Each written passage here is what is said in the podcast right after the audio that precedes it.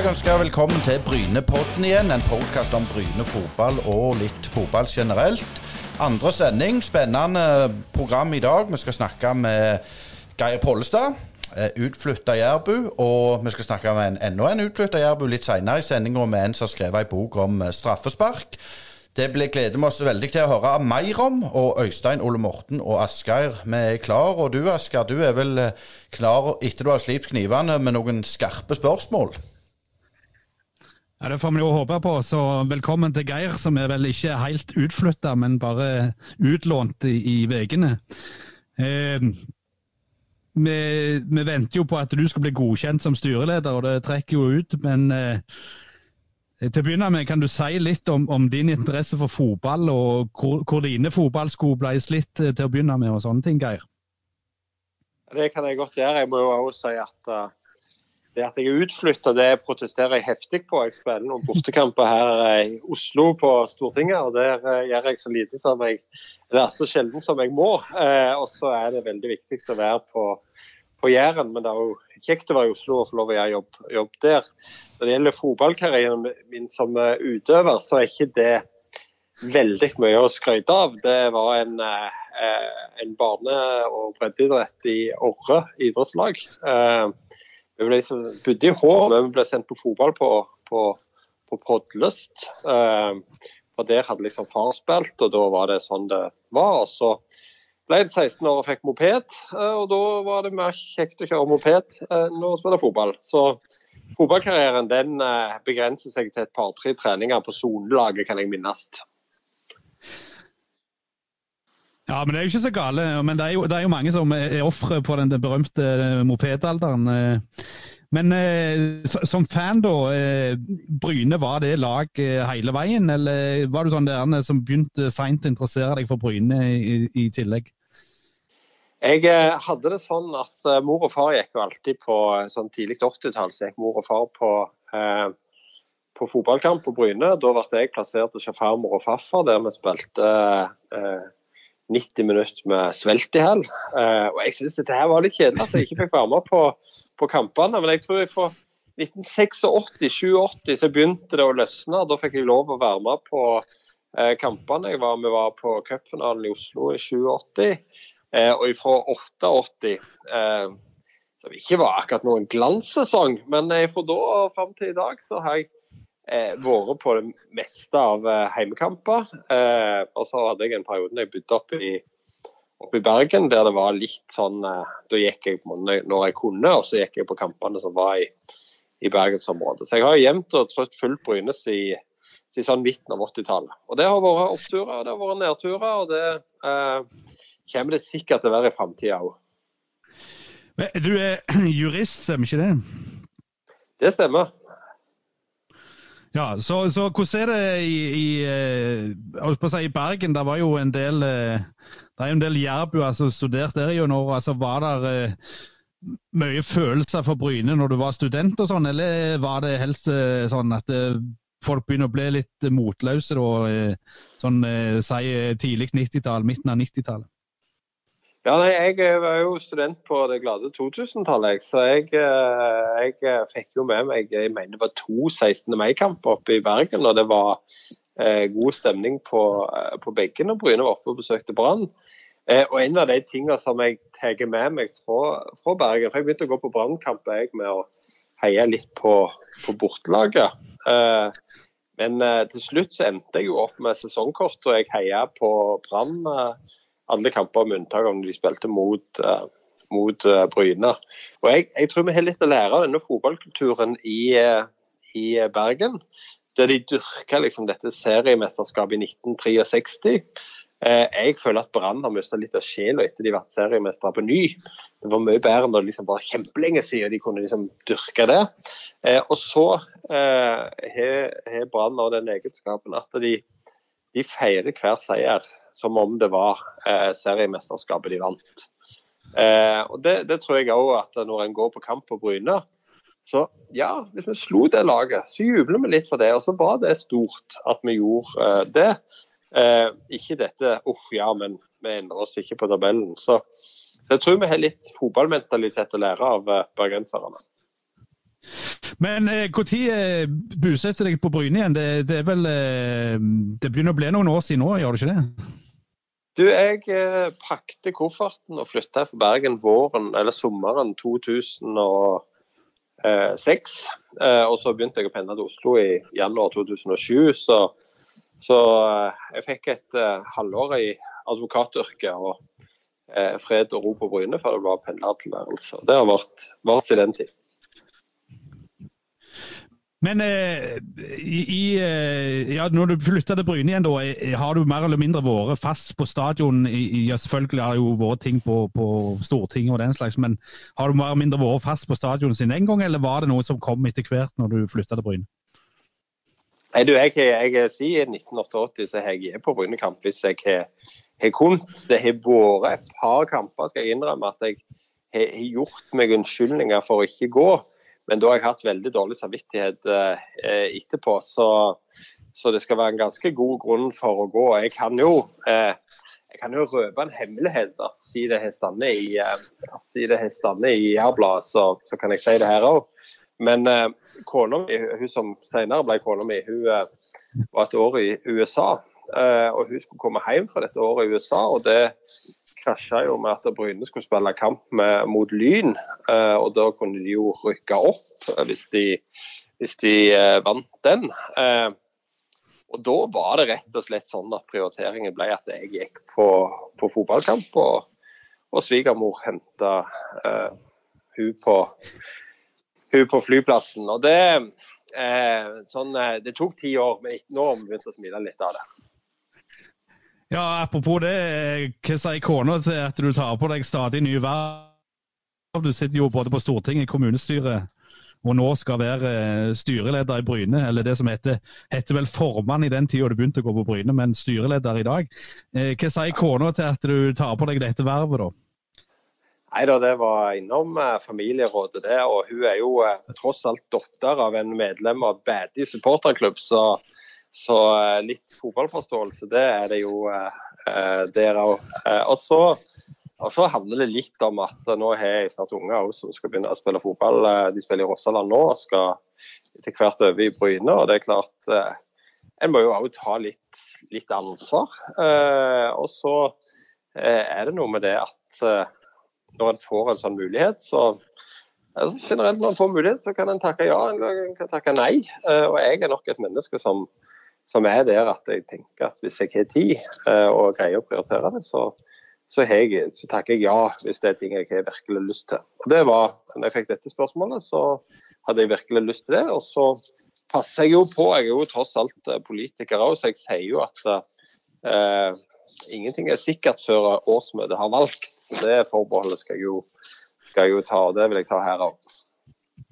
Ja, men eh, for å si det sånn, eh, nå er det jo ganske mye nye koster i klubben. Både spillersida, i eh, administrasjonen og i styret. Altså Det er jo på en måte en slags tabula rasa, dette. Altså, å begynne på ny igjen. Altså, eh, hvordan ser du på det? Altså Å begynne i en såpass ny organisasjon og, og være styreleder for en såpass ny gjeng nå?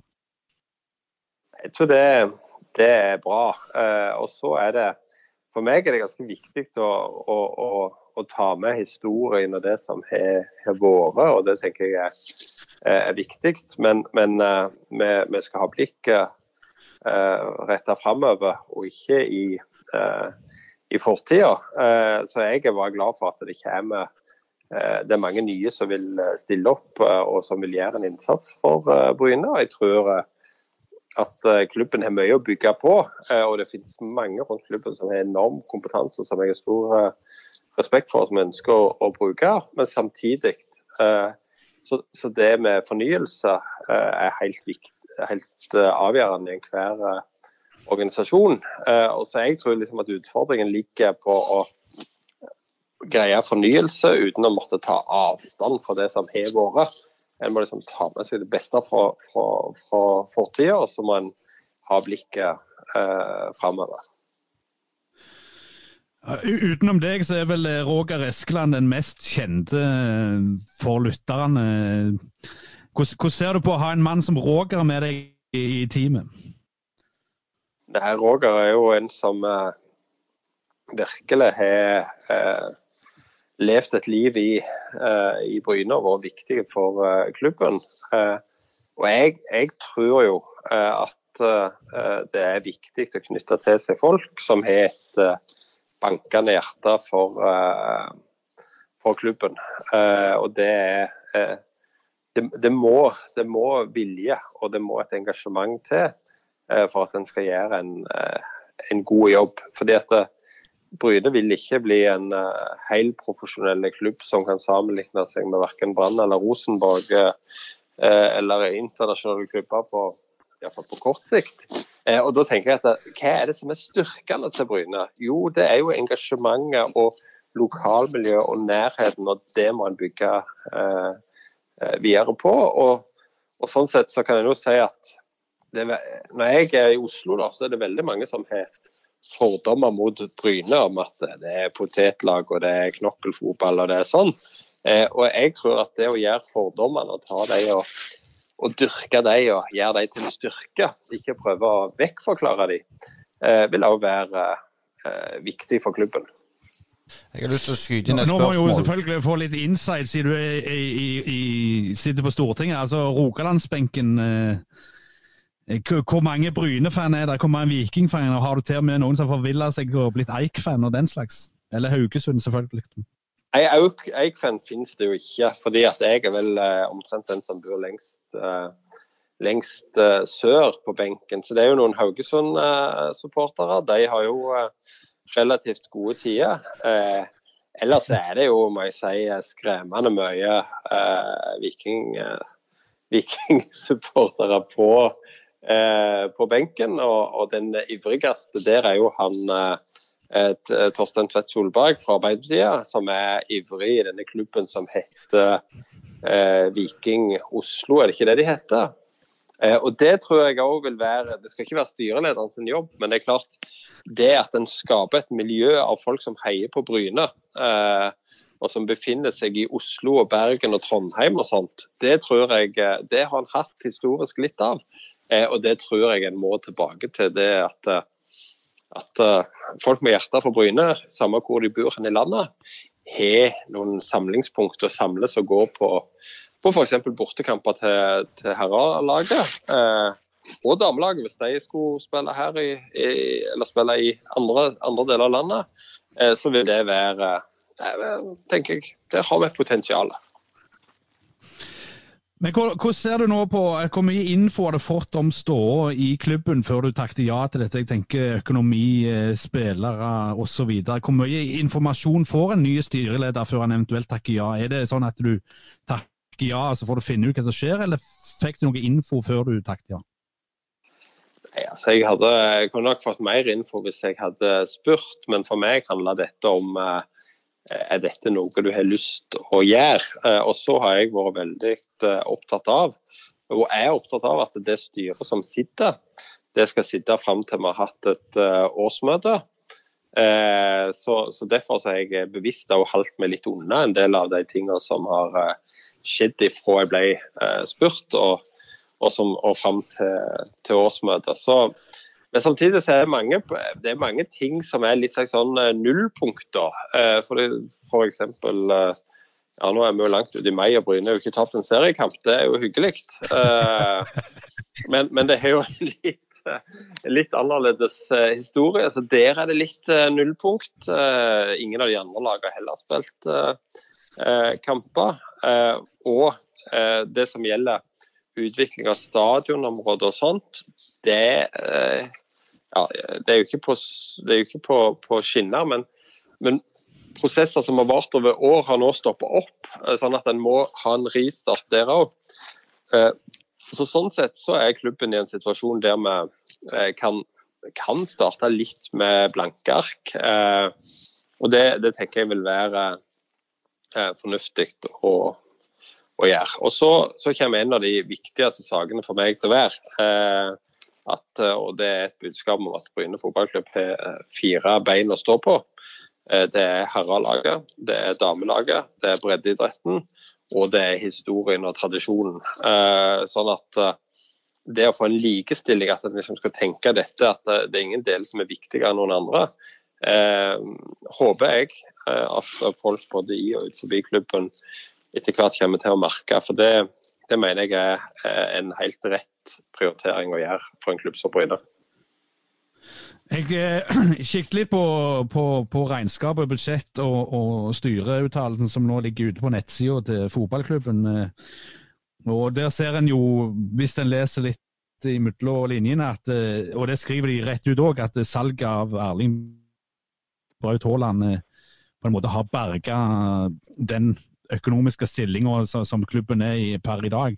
Og Hvis du trekker, trekker vekk Haaland-salget, så, så, hadde klubben antagelig gått rundt fem millioner i minus i år med det samme budsjettet som de har, har, hadde hatt i inneværende sesong.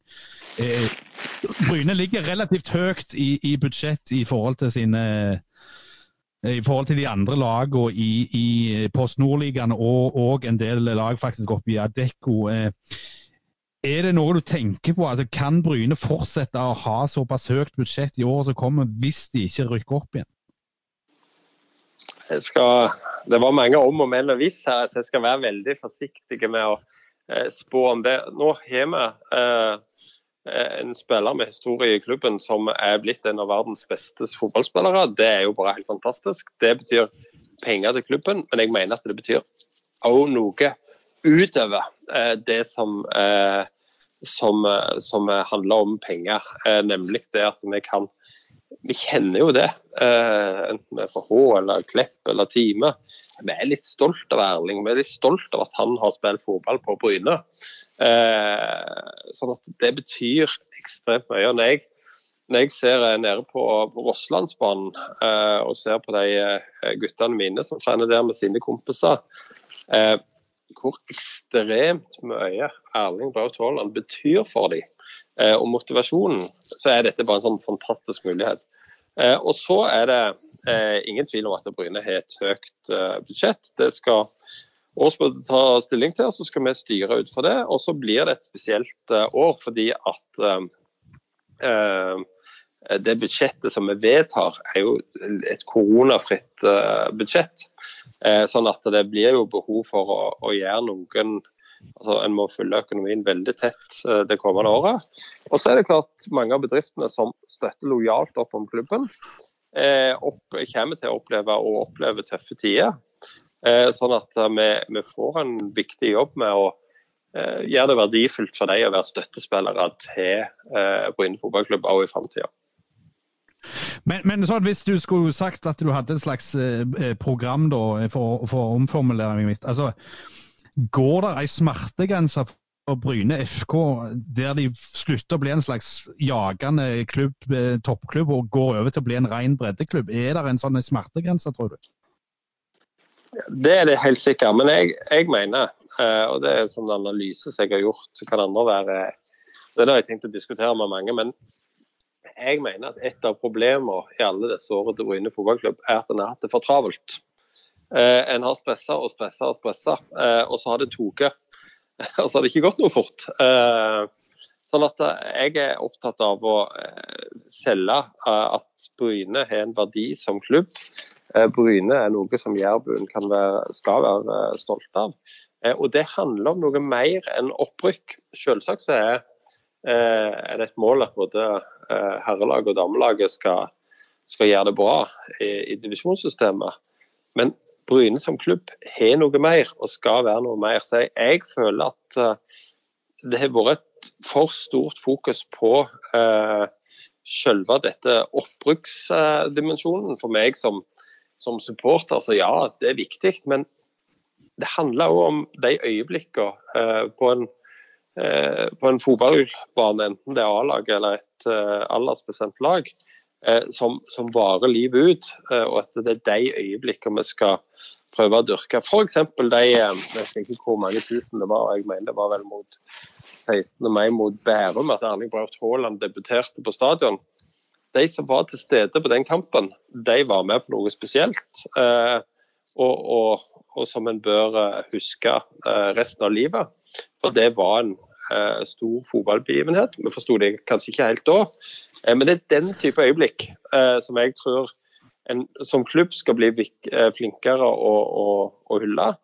Men så kommer jeg ikke unna at Det kommer en dag når regnskapet skal gjøres opp, og det bør helst ha positive eh, tall. Og Det er jo et styre sitt ansvar å eh, styre inn for det.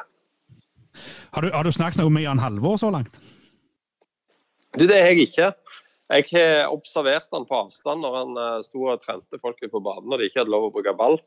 Det gikk tur en dag, og det så eh, mildt sagt kjedelig ut, det de holdt på med. Nå har de heldigvis fått lov å løse opp enda litt mer med, med treningen. Men, men, jeg er også viktig, opptatt av at en trener skal få god tid, en trener skal oppleve tillit. Og vi har en god trener. Og, og det at at en, at en, skal ha det et, et gildt, at en skal, skal, bygge en stolthet eh, som, som, klubb. Og det, jeg tror at eh, samme hvordan en venner vrir det på, så vil han ha mer greie på fotball enn meg. Eh, eh, og da skal han få, få bestemme det og, og, styre det, og så skal han oppleve at styret har eh, tillit til han og de prioriteringene som gjør. Og, og ikke minst det å gi folk tid, og ikke alltid ha det så eh, forbaska travelt, som jeg kanskje noen ganger tenker at en har hatt i klubben. En som som regel har det forbaska travelt, min kollega her Øystein. Øystein, skal du spørre om noe?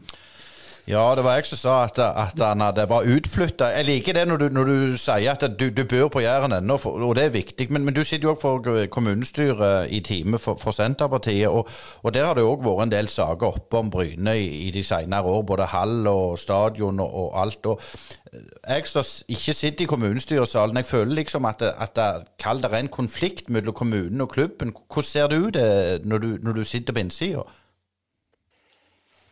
Jeg, jeg tror egentlig ikke det er det. Eh, men det er klart, der òg er det mange som er opptatt av å eh, hver gang Bryne fotballklubb blir nevnt, eh, ta med historien fra tidenes morgen og fram til, til, nå om alt som har vært av dårlig stemning mellom klubb og kommune.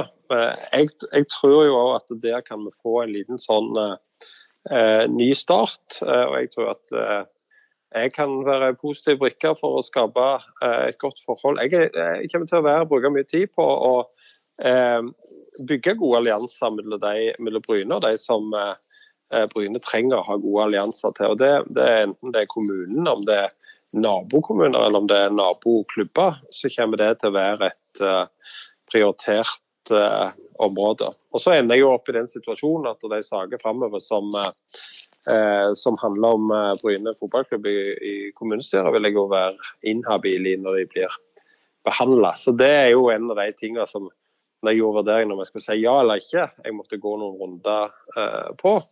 Eh, fordi at en skal jo ikke sitte på begge sider av, eh, av bordet. Og nå har jeg valgt eh, for noen år å sitte på Brynes side av bordet. Sånn sett hadde det vært greit om du satt på begge sider av bordet, for da kunne vi jo bare gjort som vi ville.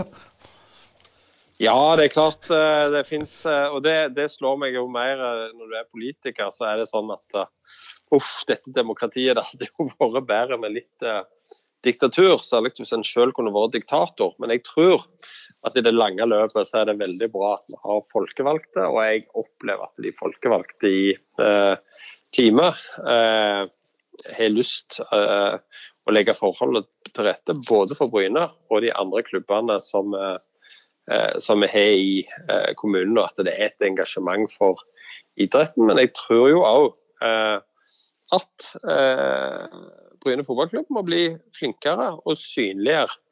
hva er det en gjør av breddeidrett for både gutter og jenter. Og det å gi trygge oppvekstvilkår og et, at det skal være godt og kjekt å vokse opp på, på Bryne, så tror jeg en har en jobb å gjøre med å synliggjøre, uh, synliggjøre det. Eh, som, som Senterpartipolitiker så, så, er du opptatt av å handle lokalt, så da tenkte jeg å spørre om du har et favorittlag i utlandet, men det har du vel gjerne ikke da? Du, Nå har jeg jo uh, nettopp måttet gjort denne tunge Og jeg heier på jeg heier på Tottenham i England. Det engasjementet har leid litt nede. Nå har sønnene mine blitt interessert i Tottenham, så det har tatt seg litt opp. og Jeg har vært en tur i London for eh, ja, i fjor på en, på en, kamp, så det var stas. Eh, så har jeg eh, fortsatt en viss interesse for Brann. Eh, hvis Bergen kan regnes som utlandet, og det, det kan det jo eh, til en viss grad. Eh, og så driver jeg nå og velger klubb i, på Færøyene. og Det er litt, litt, krevende. men vi skal jo nå, Alle som har fotballabstinenser skal jo følge med på færøysk fotball. Og Jeg tror jeg går for denne klubben der faren til Rogvi Baldvinsson spilte. Den ligger på ei øy, det er jo hele Færøyene, men på ei mindre øy et par timer ut forbi hovedøya. så det jeg har ikke lagt meg navnet på klubben ennå, for det er litt vanskelig å uttale, men det skal jeg gjøre der. Og så følger jeg jo selvsagt med på alle klubber der, eh, der det er eh, Bryne-spillere. Og nå er jeg jo eh, følger jo tett med på, på Erling. Og så bruker jeg en del av lønna mi på å kjøpe drakter etter Erling skifter klubber. Ja, men Det er viktig å følge med litt. Og en som følger med, det er en kollega Ole Morten her. og Han, han, han skal holde med Viking på Island, har han sagt til meg, for han håper de rykker ned. Har du noen spørsmål? ja, hvis, hvis, vi alle i podkasten her var enige om at vi ikke kommer til å like vikingur, så, så er jeg fornøyd så langt. Men Geir, eh, i denne koronasituasjonen nå, hva, hva tror du eh, Abid Raja kommer i pressekonferansen angående idretten, og syns du en burde starte opp da Folkehelseinstituttet ga klarsignal for oppstart, så lenge en fulgte smittevernplanen til Norges Fotballforbund? Det der syns jeg er veldig vanskelige spørsmål. fordi Nå ser jeg at eh, det som sannsynligvis skjer, er at fotballen, eh, toppfotballen eh, starter opp igjen. Men det er en forutsetning at en ikke har annen jobb eller studier, de som skal spille. Sånn som jeg har forstått det. Eh, og da ryker jo eh, da ryker andredivisjon, og da ryker eh, damefotballen. og det syns jeg jo er uheldig. Men jeg, jeg greier jo heller ikke Jeg har veldig respekt for at toppfotball er næring, og det er viktig å komme i gang. Men jeg er nok der at når femte til tiende klasse sitter hjemme og ikke går på skolen, så er først og fremst mitt engasjement nå på at uh, nå må de ungene få begynne å gå på skole. Uh, jeg syns det er veldig positivt at en åpner opp for at de får begynne å trene fotball og andre idretter innenfor de reglene som går. Uh, og så syns jeg at Bent Høie hadde et godt argument når han sa at hvis vi skal åpne Norge gradvis, så kan vi ikke åpne alle virksomheter og næringer og idretter og aktiviteter som kan drives smittefaglig forsvarlig. fordi at I sum så vil det da verte eh, for, for, mye. Så Der er vi litt sånn prisgitt eh, det som er regjeringa sine prioriteringer. Men jeg gleder meg i hvert fall enormt til at vi kan begynne å gå på fotballkamp på eh, Bryne igjen. Eh, og jeg tror at i løpet av sommeren så vil det eh, kunne skje. Det får vi absolutt håpe. Men, tror du Geir at, uh, Unnskyld, Øystein. Eh, tror du Geir det, det, det blir halve sesong, eller tror du de klarer å spille to runder? Det, det spørs jo litt når en uh, kommer i gang. Uh, men det kan nok fort være at uh, dette året spiller en halve sesong. Hvis en ikke velger en løsning der en samler lag og spiller litt mer sånn turnerings aktige runder. Eh, det er jo en eh, mulighet som en har hvis en samler fire eller fem lag, og så de spiller kanskje et partall, da, seks lag, og de spiller mot hverandre mange kamper relativt eh, tett, så er jo det òg en, en, mulighet for å gjennomføre en full, full sesong. Men jeg tenker at om det blir hel sesong eller halv sesong, det viktigste er at en både vente lenge nok, sånn at vi ikke får oppblomstring av denne smitten. Men det er viktig å komme i gang. Eh, og så tror ikke jeg at lengden på sesongen er det, er det avgjørende. Men altså, det ble jo En vil jo få utfordringer med, med denne smitten som har vært her. og Tror du at eh, et utfordrende år som, som styreleder i Bryne kan være med på å svekke ryktet ditt i lokalpolitikken i time? Nei, det tror jeg ikke. Jeg tror, jeg tror uh, jeg, jeg, er opptatt av å gjøre det beste jeg kan i de rollene som jeg har tatt på meg. Eh, og jeg eh, tror at jeg er en eh, god, god, lagleder som er flink til å motivere folk. Og så tror jeg at Bryne som klubb har et ubrukt potensial når det gjelder å skape goodwill på, på Jæren. Så jeg tror, eh, altså Mitt mål er rett og slett at eh, den dagen jeg slutter som styreleder i Bryne, hvis jeg blir valgt, eh, så skal jærbuen være mer stolt av Bryne fotballklubb og mer opptatt av Bryne fotballklubb enn de var når jeg begynte som styreleder. Og de som driver breddeidrett og damefotball i klubben, skal oppleve at de blir Jeg skal ikke si hva de blir i dag og ikke, for det vet jeg ikke. Men mitt mål er iallfall at eh, A-laget, damelaget og breddeidretten skal oppfattes som tre likeverdige deler av Bryne fotballklubb. Det får være siste ord, eh, Geir Pollestad. Tusen takk for du stilte opp i denne podkasten. Det var skikkelig interessant å høre hva du hadde å by på. Så får vi for all del håpe at dette viruset går vekk, så vi får, får glede oss med fotball. For det tror jeg vi er sultefòra på alle sammen. Yes. Godt. Takk skal du ha. Ja, det var eh, forhåpentligvis styreleder Geir Pollestad. Og nå skal vi rett og slett ha litt konkurranse. Og etter konkurransen så skal vi høre med Nils Henrik Smith, som har skrevet en bok om straffespark. Hei, dette er Nils Henrik Smith. og Jeg har skrevet boka 'Elleve meter straffesparkets historie'. Og Den kan du vinne hvis du hører på Brynepodden og svarer rett på et veldig enkelt spørsmål om straffespark, nemlig dette. Når ble straffesparket oppfunnet? Ja, da har vi fått med oss eh, Nils Henrik Smith, en uh, utflytta jærbu. Og i 2007 så debuterte du med en roman som heter Manhattan Skyline, og, og du fikk faktisk Tarjei Vesaas sin debutpris. Og du er, ja, og du er skribent i, for Josimar. Uh, og, og, akkurat nå da er du aktuell med å, å ha skrevet ei bok om 11 meter straffesparkshistorie. Ja. Hva skal vi ta først? Skal vi ta romanen først? 'Manhattan Skyline'? Ja, det er jo den første av tre romaner som jeg har skrevet til nå. da, Som jeg eh, var så heldig å få denne prisen for. Så det, eh, det var jo kjekt. Så jeg eh, kombinerer å skrive skjønnlitteratur med å, med å skrive om fotball. Først og fremst i Osimar, men har også skrevet for for NRK bl.a. et par andre plasser om, om fotball. Da. Så det, det, er jo en veldig fin måte å få kombinert eh, ja, mine kanskje to største interesser eh, jobbmessig. Så der er jeg jo heldig. Jeg har en kollega som sitter her, Ole Morten. Han, eh, han, han er ikke så veldig å lese bøker, vil jeg tro, men, men, han er opptatt av fotball, og, og Bryne spesielt.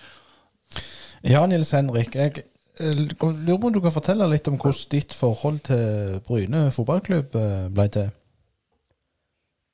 Det ble til ved at eh, høsten 1987 så begynte jeg i første klasse på Rossland skole. og da, eh, var det allerede en del av guttene i klassen der da, som, eh, som spilte for eh, knotterlaget til Bryne. og så, så, ble jeg med der. og Det førte til at jeg begynte å gå på heimekampene hvor den første var Bryne Moss eh, i august 1987. Eh, da tapte Bryne, men det var jo en storkamp. Det var jo seriemesteren og eh, cupmesteren eh, den sesongen. Eh, og så så skjedde jo alt det med cupfinalen og Kolbjørn Ekker og full pakke. Så da, da var jo jeg eh, hekta på det. Og så, så spilte jeg jo for Bryne stort sett hele oppveksten fram til sånn 15-årsalderen. Jeg hadde et par sesonger i Russland og, eh, og, og, gikk jo på, på heimekampene sånn det var mulig. Så jeg har sett veldig mye fotball på Bryne stadion.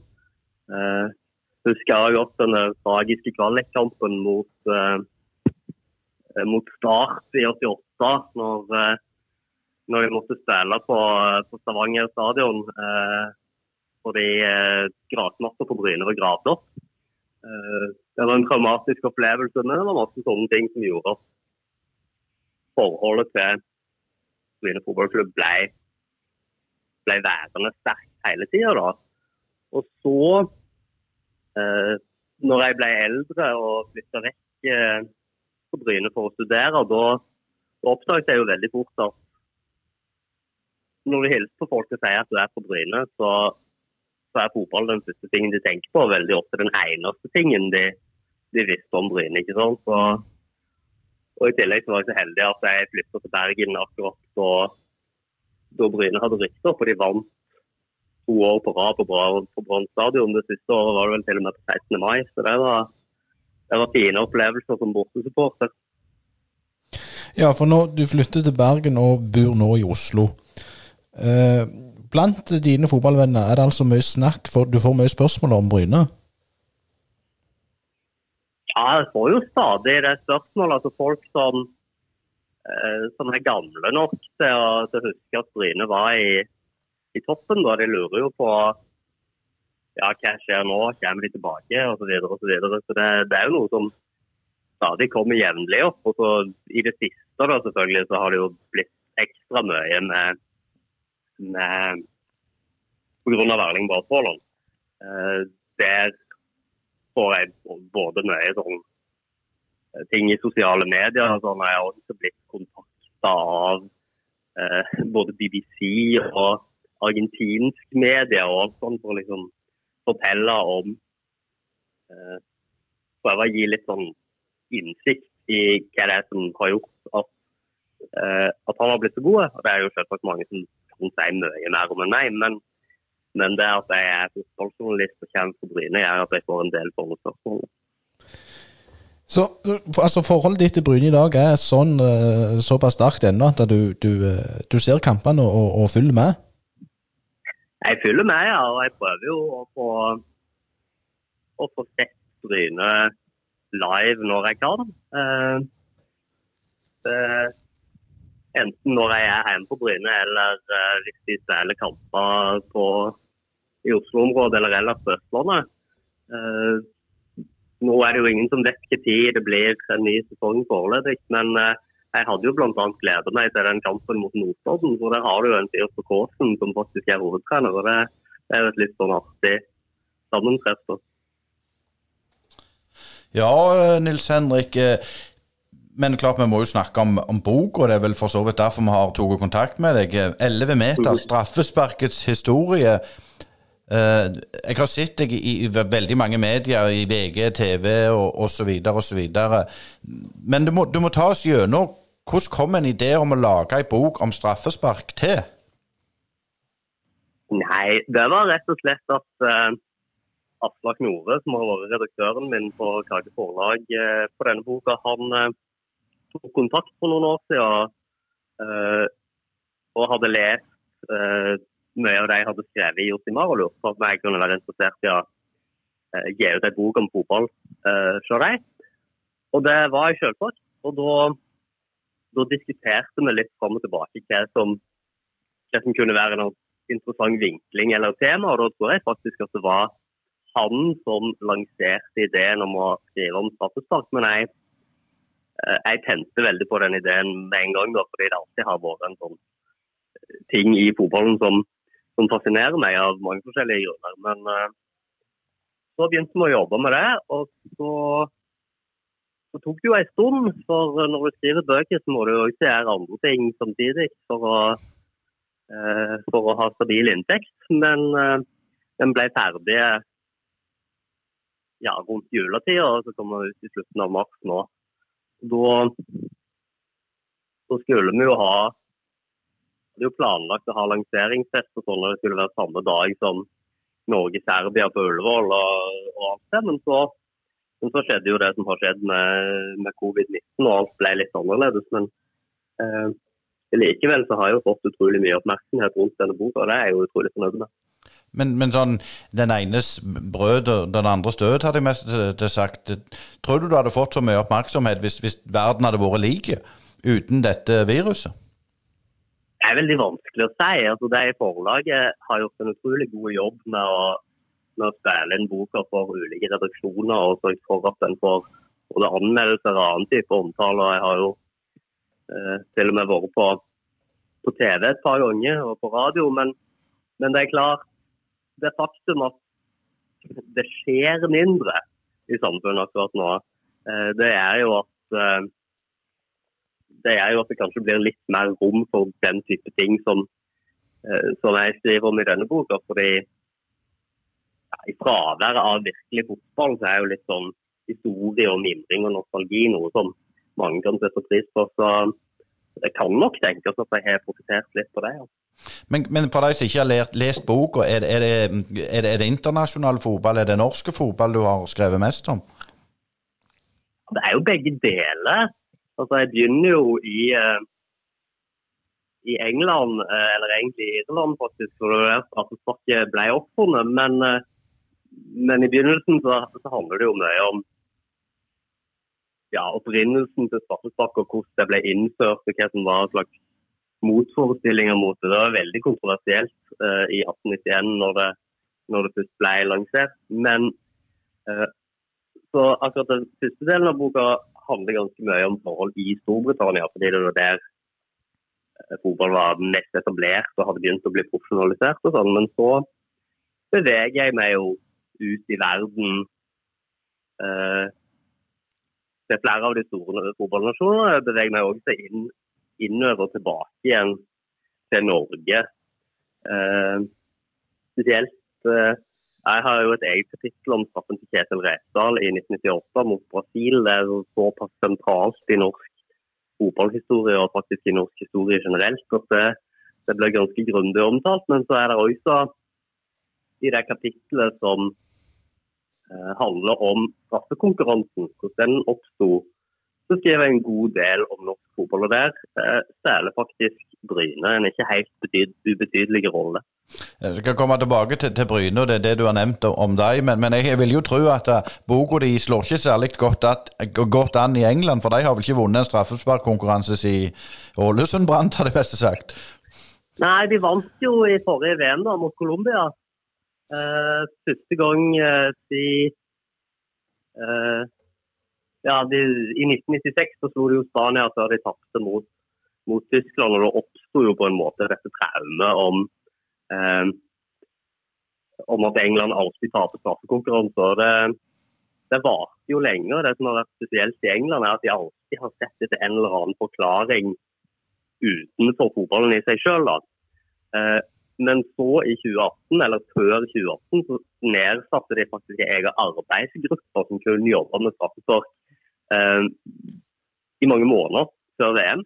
Og Da hadde de en veldig sånn eh, bevisst og planlagt eh, inngang til det. De, det er masse sånne små detaljer du kan se på den straffekonken mot Colombia. Der f.eks. Eh, Jordan Pickford hopper opp og tar i tverrliggeren før hver straffe. Eh, for at colombianerne skal tenke at han er større enn han ser ut. Eh, og alle sånne små detaljer som, som kan ha bidratt til at, bidratt til at de endelig klarte å snu det der. Da. Men eh, vi får nå se. Ja, det, ja, nei, det er så sant. Men jeg har sett at du har nevnt at, at Gatli, Geir Etle Innheim, han, hadde, han har du skrevet litt om i boka, har du ikke det? Jeg står faktisk ikke om han i boka, men jeg ble spurt av eh, Stavanger Aftenblad var det vel hva var min favorittstraffe. Det er jo sånn veldig vanskelig spørsmål å, å svare på, men da, da nevnte jeg den straffen som Gassli tok mot Lofoten i, i 99, i opprykkssesongen. Da, da lå Bryne under 2-1 eh, på hjemmebane kort tid før slutt. men så så utligner Gatli, og så, eh, og så får de straffe på overtid. Eh, og han, eh, og han satte den i mål, da. Og det ble jo, sånn ser på sluttabellen, så ble jo det avgjørende for at Bryle Bryne til slutt eh, klarte å rykke opp. Og faktisk også for at Lofoten rykte ned, hvor jeg mangler ett poeng på å klare seg. Ja, det, ja, Straffespark det er viktig i fotball, det, det, er helt klart. Og når engelskmennene setter ned mest et utvalg, så, så viser det jo at, at, de tar det på alvor. Ja, det har endra seg veldig de siste åra. Eh, altså, før så var det litt sånn hadde den innstillingen at det går ikke an å trene på straffespark, fordi du, du kan ikke gjenskape det presset som er i selve straffekonken og sånn. Men, eh, men, det går an å forberede seg på alle mulige eh, altså, ja, både den fysiske og den tekniske, og ikke minst den mentale delen. Og ikke minst det siste har blitt veldig mye mer sentralt de siste ti åra, kanskje. Jeg, jeg, har en liten sånn uh, artig kuriositet. Jeg, Liverpool, jeg er Liverpool-supporter, og Liverpool kom jo til Bryne i 88. Og da skåret John Aldrich hat trick. Og han trefte jeg faktisk um, i Liverpool her for, for, et års tid siden. Da snakket vi litt om kampen. Og han har skåret på 18 straffespark for Liverpool og, og, og bomma på ett. Og han bomma i FA-cupfinalen mot Wimbledon, og det er vel en av de største sensasjonene som har vært i FA-cupfinalen. Og han sier at det er den straffen jeg blir minnet om hver eneste gang. Ikke sant. Det er alltid sånn når du har bomma på en. og det det var jo en dramatisk situasjon. og Liverpool var kjempefavoritter selvsagt mot Wimbledon. og så, så redde Dave Bettens den straffen. Og Det var også siste gang siden tror jeg 1913 eller noe sånt at noen hadde bomma på straff i en FA-cupfinale. Så det var sånn eh, dramatisk historisk. Men, men, det er klart eh, Fotballhistorien er full av spillere som, eh, som hadde flotte karrierer, men som kanskje først og fremst blir eh, huska for den straffen de bomma på. Eh, Roberto Baggio f.eks. i VM-finalen i 94, som jeg skriver en del om i åpningskapittelet i boka, faktisk. Og, og mange, mange andre. Men he helt til slutt, eh, Nils Henrik. Eh, nå har vi forstått at Bryne er det et klubb som du følger tett og har, har i hjertet ditt. Har, har, du noe favorittlag i Europa og i England? Egentlig har jeg ikke det. Altså, jeg har aldri klart å, å, å finne noen favorittlag enn Bryne. Det, det, er liksom, det er noen lag jeg liker, og noen jeg absolutt ikke liker. Men, men for meg så er det litt sånn det er flere lag som jeg kan bli litt glad når de vinner, men det er ingen der jeg egentlig blir skikkelig altså, sur eller forbanna eller lei meg når de taper, bortsett fra Bryne. Så det, det er noe sånt skal sies det eneste favorittlaget jeg har. Eh, men, men, denne boka, den uh, vet vi jo ikke hvor, uh, hvor er, skulle jeg til å si. Hvor finner vi den nå? Den finner du uh, i din lokale bokhandel. Jeg håper de fremdeles har den på Bryne. Jeg vet de hadde den iallfall. Eh, og ellers så kan den bestilles i, i alle, nettbok, alle norske nettbokhandler. Så det, det, er bare å søke opp 11 meter Nils Henrik Smith, så finner du den. Det skal gå greit. Ja, da ebber denne episoden ut. og mye interessant både fra, fra Geir Pollestad og Nils Henrik. Smith har skrevet ei bok. Det er Jærbu gode som noen. og det er kjekt når på en måte folk markerer seg litt i, i, i, uh, i fotballverdenen, eller hva syns du, Ole Morten? Ja, eh, selvfølgelig det. Og, og, når vi får inn sånne gode eh, lokale folk i, i styret i Bryne, så tror jeg det Jeg tror det kan være bra. Hva tenker du, var det noe som du var litt overrasket at han var åpen om? Hvis vi tenker jeg, på båtlysten, da. Ja, jeg syns han eh, var Eh, overraskende ærlige om, om eh, tingenes eh, tilstand, sånn som han så de, og på, på hva planer han hadde videre med, med det vervet sitt som styreleder i Bryne. Hva tenker du om det, Asgeir? Nei, jeg synes jo det, det, er interessant at han eh, har på en måte ligget relativt lågt. Eh, han er jo ikke valgt ennå, det skjer jo teknisk den 28. mai. Eh, så han er jo ligget relativt lågt og ikke snakket med trener hva han tenker. og sånn, Så han har jo en jobb å gjøre når han eventuelt blir valgt, som jeg tror han kommer til å bli. Eh, men jeg syns òg eh, det, det var interessante toner. Og det virker som han eh, ikke har det der hastverktenkinga som kanskje har preget klubben litt siden nedrykket i 88, faktisk. Det er at eh, vi skal rett opp igjen, og så ender det opp med flerfoldige år i en divisjon som du egentlig ikke har lyst til å være i. og Der er det kanskje noe å hente for Bryne, og kanskje er dette vendepunktet. Det får vi jo se når fotballen sparkes i gang igjen, selvfølgelig. Men eh, jeg syns han hadde mye interessante betraktninger. og Nils Henrik Smith er jo selvfølgelig en mann som har skrevet mye om fotball i Oslo, spesielt i magasinet Josimar. Eh, markert seg der. Og det at han er gammel eh, Bryne-spiller som har eller innrømte at han òg eh, røyk vel i en slags mopedalder, men ikke, ikke på samme måten som, som Geir, kanskje. Det, det, er vel det som de to har felles, at de ble aldri de store stjernene. Nei, og det, vi må jo selvfølgelig huske på konkurransen. Du må gå inn på Facebook og, og Twitter og, og, svare på den konkurransen som Nils Henrik har, uh, har sagt. Og følg oss gjerne på Facebook og Twitter. Og det var alt for Øystein Ole Morten og Asgeir. Og tusen takk for at du hørte på. Vi høres igjen neste torsdag.